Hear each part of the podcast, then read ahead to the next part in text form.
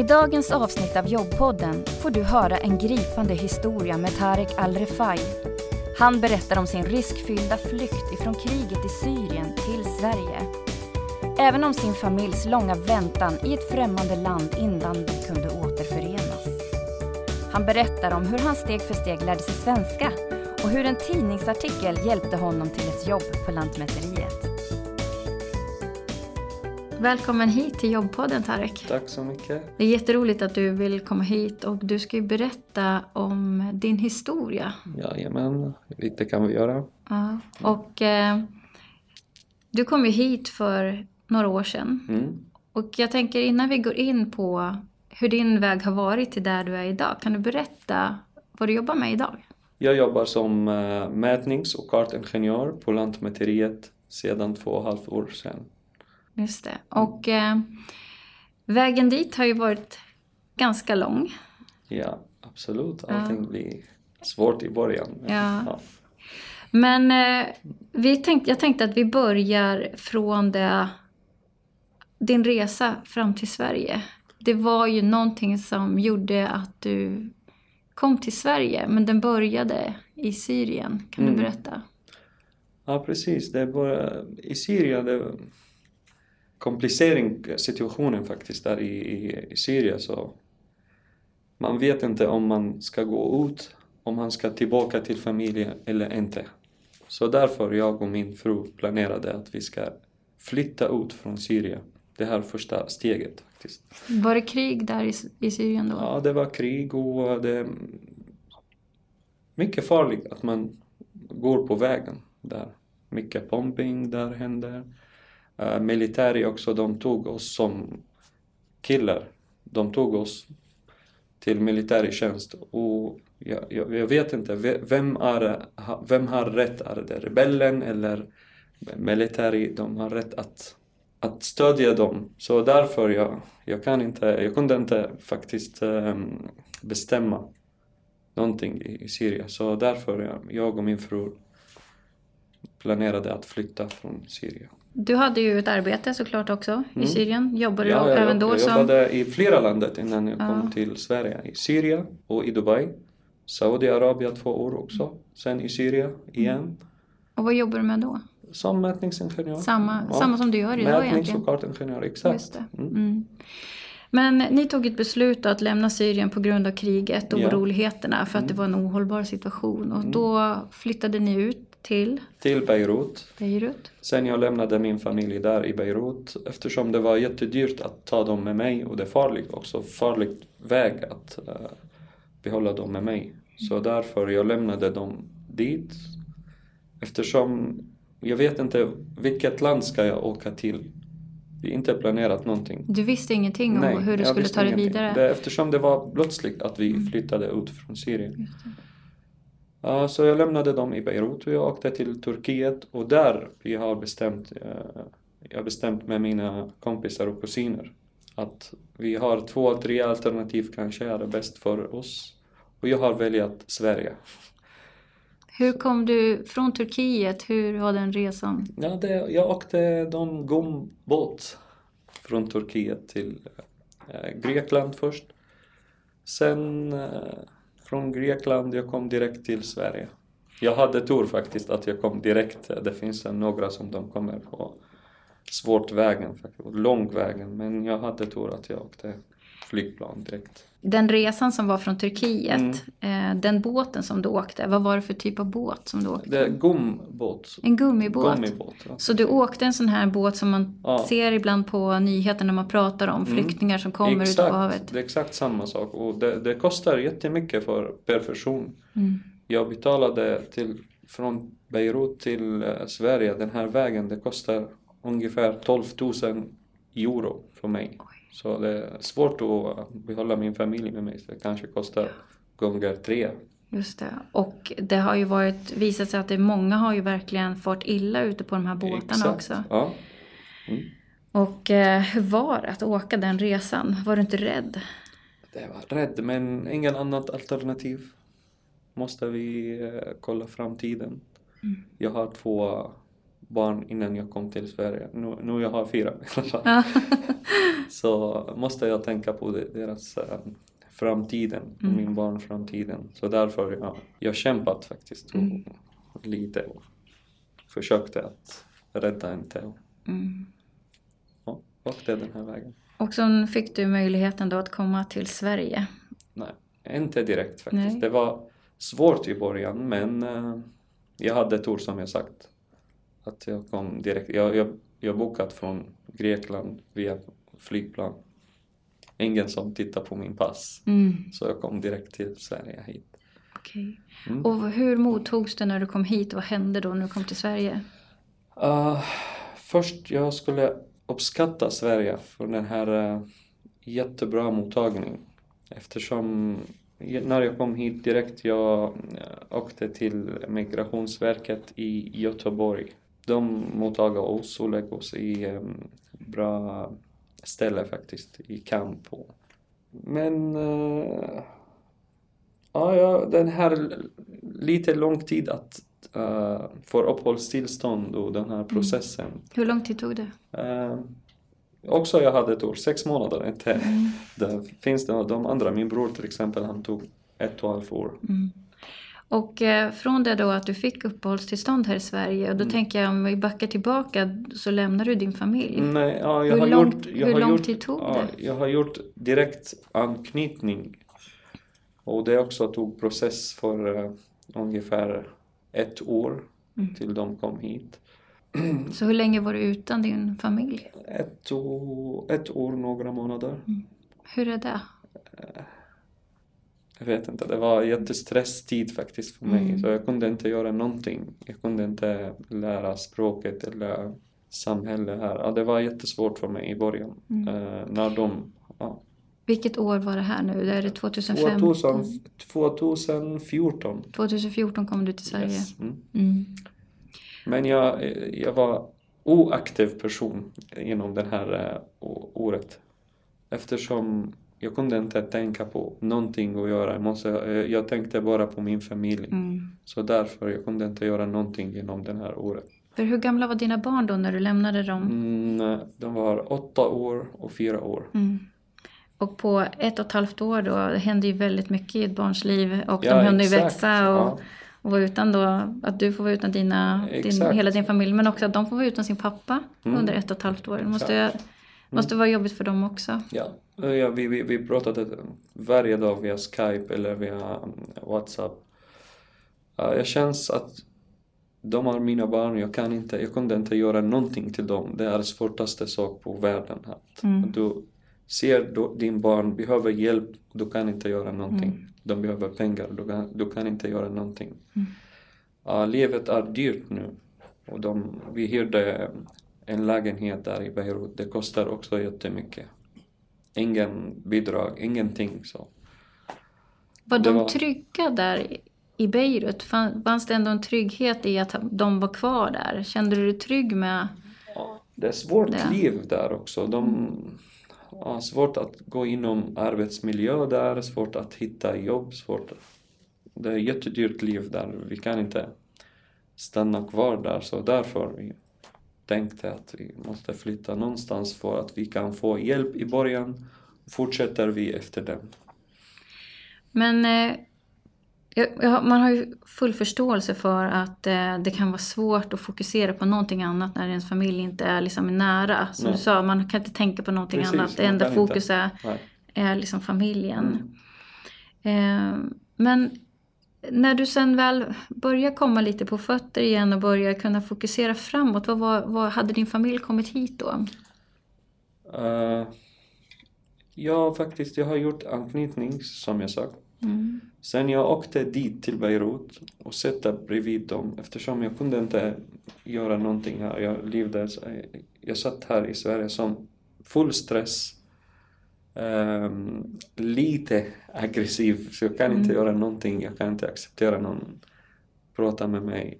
Jag fick också här, jag, jag har fått eh, brev från Arbetsförmedlingen att, att du är välkomna att börja eh, på den här etablerings, eh, etableringsplan- Programmet. Mm, programmet Mm. precis. Men jag tackat nej till dem. Jag sa jag, jag, jag kunde inte bli som aktiv person just nu.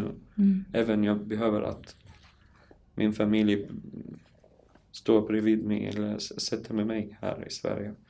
Så därför jag åkte dit igen. Sett med dem några månader också. Tills de fått uh, uppehållstillstånd hit så vi tillbaka till Och då Sverige. åkte ni tillsammans? Ja, ja vi åkte tillsammans. Ja. Jag åkte före dem eh, två eller tre månader innan de Mm. kom igen.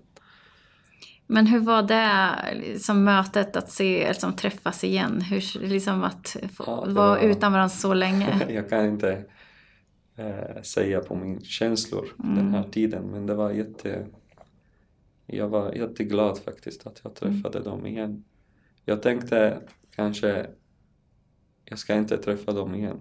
Ovissheten om att kanske inte ses. Mm. Mm. Ja, det är precis Mm. det är som jag tänkte på. Men sen kom, kom ni tillsammans här i Sverige? Ja, ja, ja, Hela familjen? Precis, jag kom före dem äh, Mm. kom. Då kanske det hände någonting i dig som gjorde att du kunde, som du sa, att då kanske du hade möjlighet att fokusera på någonting annat. Mm. Vad hände då? Eh, jag kom hit med, med full positiv eh, Fokus kanske? fokus av allting, ja, precis. Och eftersom allting blir i handen nu, familj med mig, uppehållstillstånd, jag har rätt på allting så jag kan göra allting. Jag började och hitta, hittade lägenhet här först och hyrade den, förberedda till min familj. De lever i bra sätt. Sen jag börjat leta efter jobb. Kunde du prata någon svenska då? I, nej, jag jag har använt min engelska språket. Jag kan engelska väldigt bra också Mm. eftersom jag jobbade Kanadien eh, företag så de använde engelska språket. Så det hjälpte mig mycket också att gå inom arbetsmiljö. Här är mycket som svensk folk som de kan engelska bra också.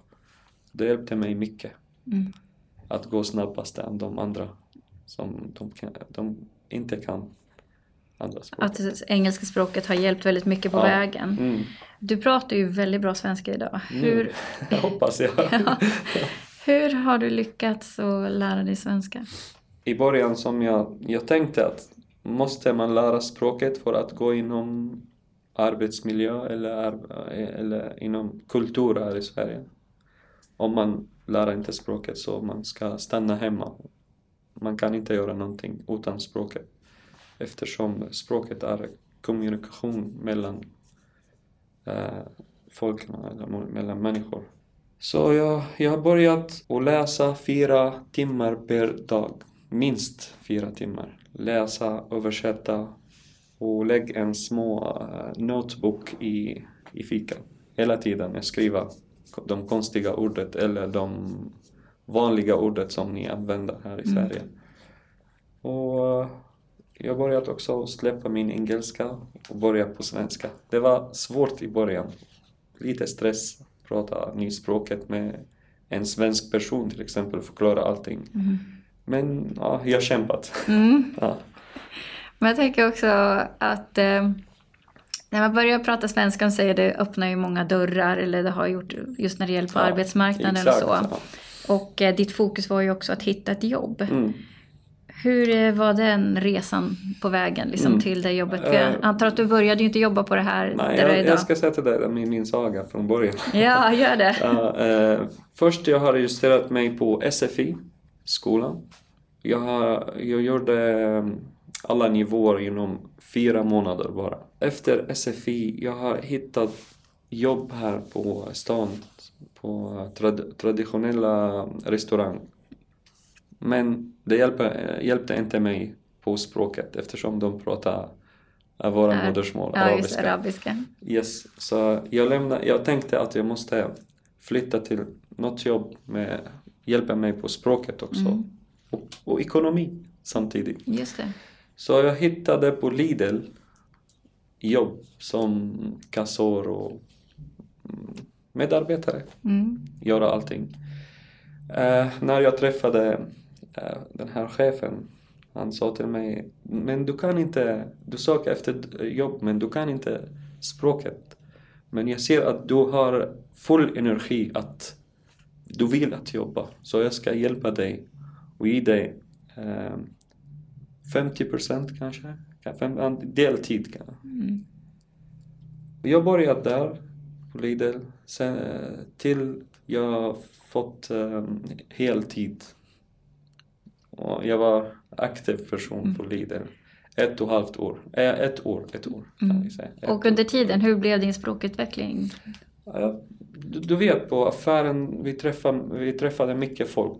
Så jag försökte att prata med här och förklara där och fråga här och mm. översätta. Och, och med, som vanligt, jag har min notebook i min fika. Så skriva alltid, läsa på, hemlektor. Just det, så du skrev upp ord som du inte ja, förstod? Precis. Och så eller, kollade, mening, ja. eller meningar ja. och så kollade du upp dem Exakt. sen? Exakt. Jag, jag, jag, jag har mycket ordet som ni använder, vanliga ordet, de använder alltid så det är viktigt ord mm. måste man skriva. Bra strategi. Ja, så, och sen alla de engelska ordet som jag, jag vet, jag vet också, eller det finns lån Låneord eller ordet. liknande ord ja, kanske? eller liknande ord. Ja. Så jag kryssat på dem så jag, jag vet att situation till situ, situation, situation. Så ja. jag kryssade den, behövde inte spara den huvudet. Eh, jag, jag vet vad, vad betyder det här ordet. Så ja, lite strategi som du sagt. Ja. Men det, var ju, det här var ju ett sätt på vägen att lära sig svenska och komma in på arbetsmarknaden. Mm. Hur eh, gick vägen till där du är idag på Lantmäteriet? Okej, okay, det, det, det, är lite konstigt för mig när jag jobbade på den här traditionella restaurangen här i, i, på stan. Eh, ja, vi har gjort en reportage med, med Kuriren. De kom till våran eh, den lokala tidningen. Lokal, och de frågade mig, frågade mig vad jag, jag och min bror faktiskt. Vad jobbade, vad, vad jobbade ni innan ni, ni, kom till Sverige? Det var, det var eh, frågan som de frågat mig. Jag sa ah, mätningsingenjör. De fick lite konstigt att du jobbar som mätningsingenjör men jobbar nu här på restaurang. Varför? Jag förklarat att jag skickade min, min betyg till validering, jag och min bror. Och det tog lång tid faktiskt att mm. jag får godkänt att jobba på min certifikat.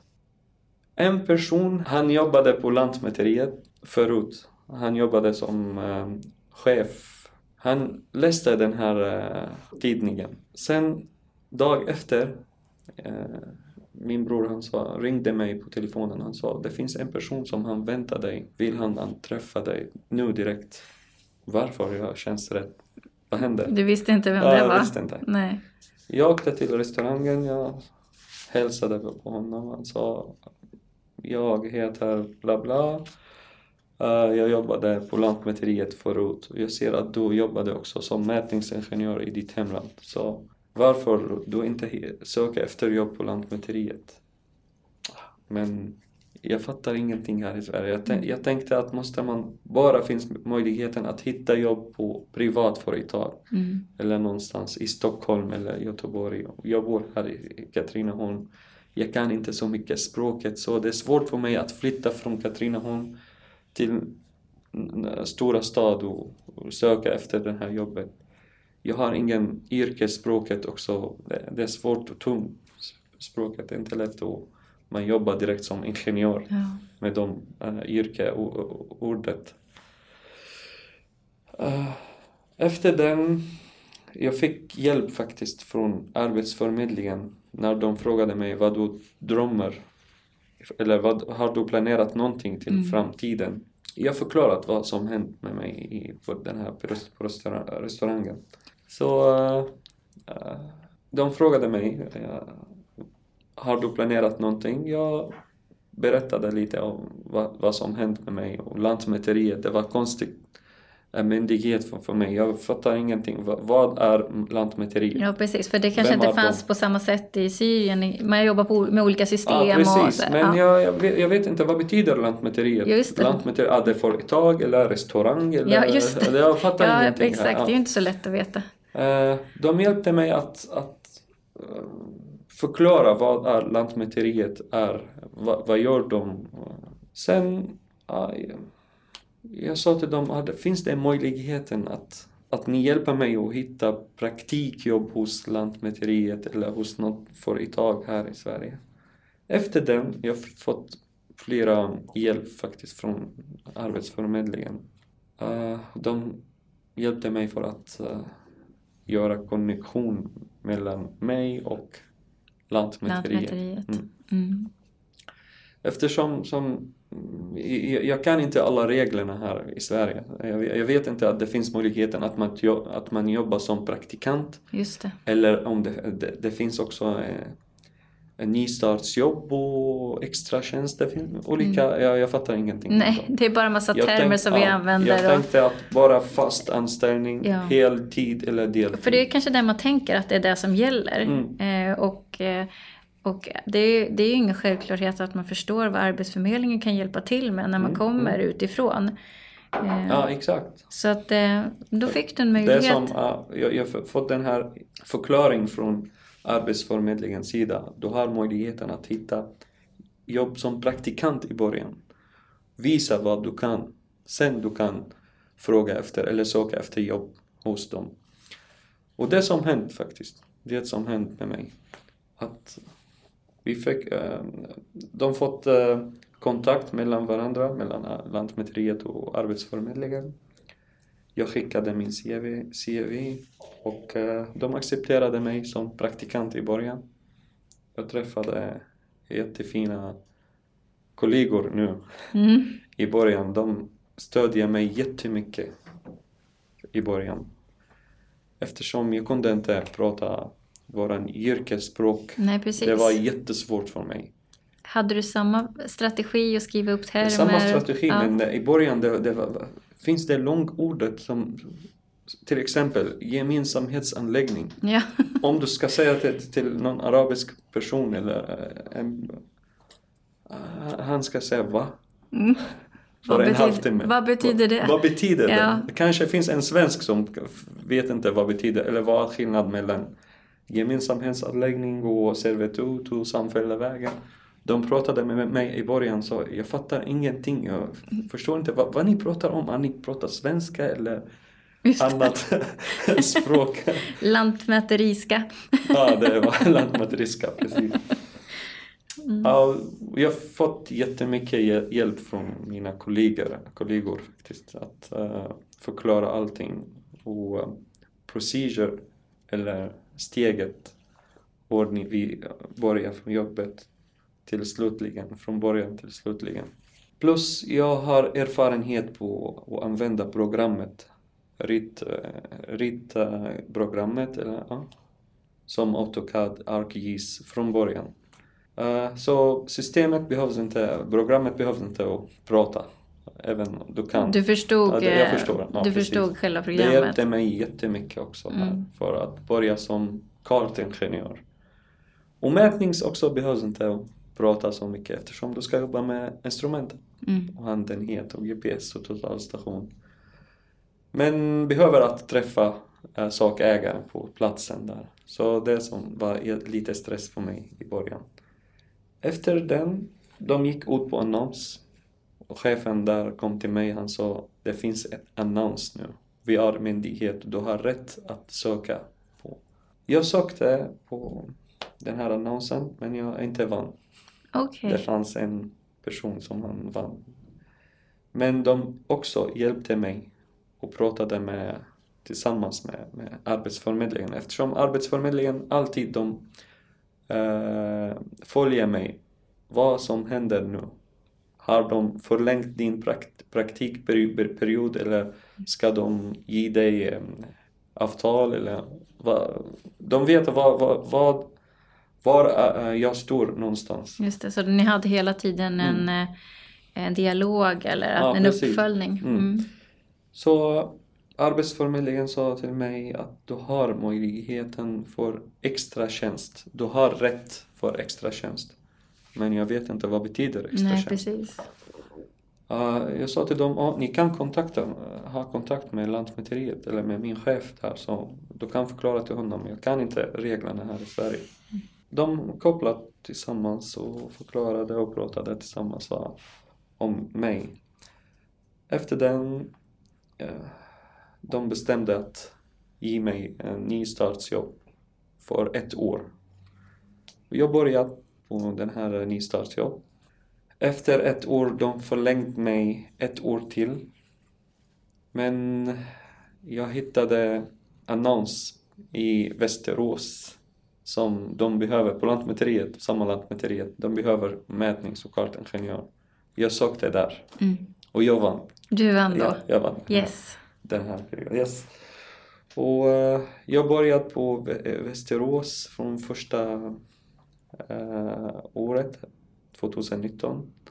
Och jag väntade, jag flyttade inte min familj eftersom det är stora stad Ja. där är lite dyrare än Katrineholm. Och Jag, jag känner att Katrineholm passar mig lite bättre. Jag planerar till framtiden att de ska gå ut på annons igen, så jag ska tillbaka hit. Mm. Och då, det är också så, det som händer, hänt. Att finns en person i, i vår, på våran enhet, han ska gå på pension. Det som jag beräknat förut. Ja. När han ska gå på pension, de ska gå ut på annons, jag söker här igen och jag ska vinna. Ja, och jag flyttade tillbaka. Just det. Så nu är du tillbaka? Ja, jag är tillbaka. Från första november faktiskt. Ja. Jag slutar med pendling. Tre timmar per dag. Mm. En och en halv timme fram och en och en halv timme tillbaka. Så nu har du en fast anställning Fast anställning, utan några bidrag? utan bidrag. Utan, så jag betalar skatt sedan tre år nu. Mm. Som svensk. Du berättar ju att eh, när du kom till Sverige hade du två barn och nu har du fyra barn. No, nu har jag fyra tjejer faktiskt. Fyra tjejer, Yes. härligt! Så nu är det lite girl power hemma hos dig. Ja. Hur mår din familj idag? De mår jättebra. Mår jättebra. Trivs bra här i Sverige. Eh, Min fru fortfarande har lite svårt att gå inom arbetsmiljö. Eh, Eftersom du vet att när de... eh, Hon jobbar faktiskt att ta hand eh, om, eh, ta hand om barn. Det är också andra jobb. Eller svårt jobb, inte lätt att Mm.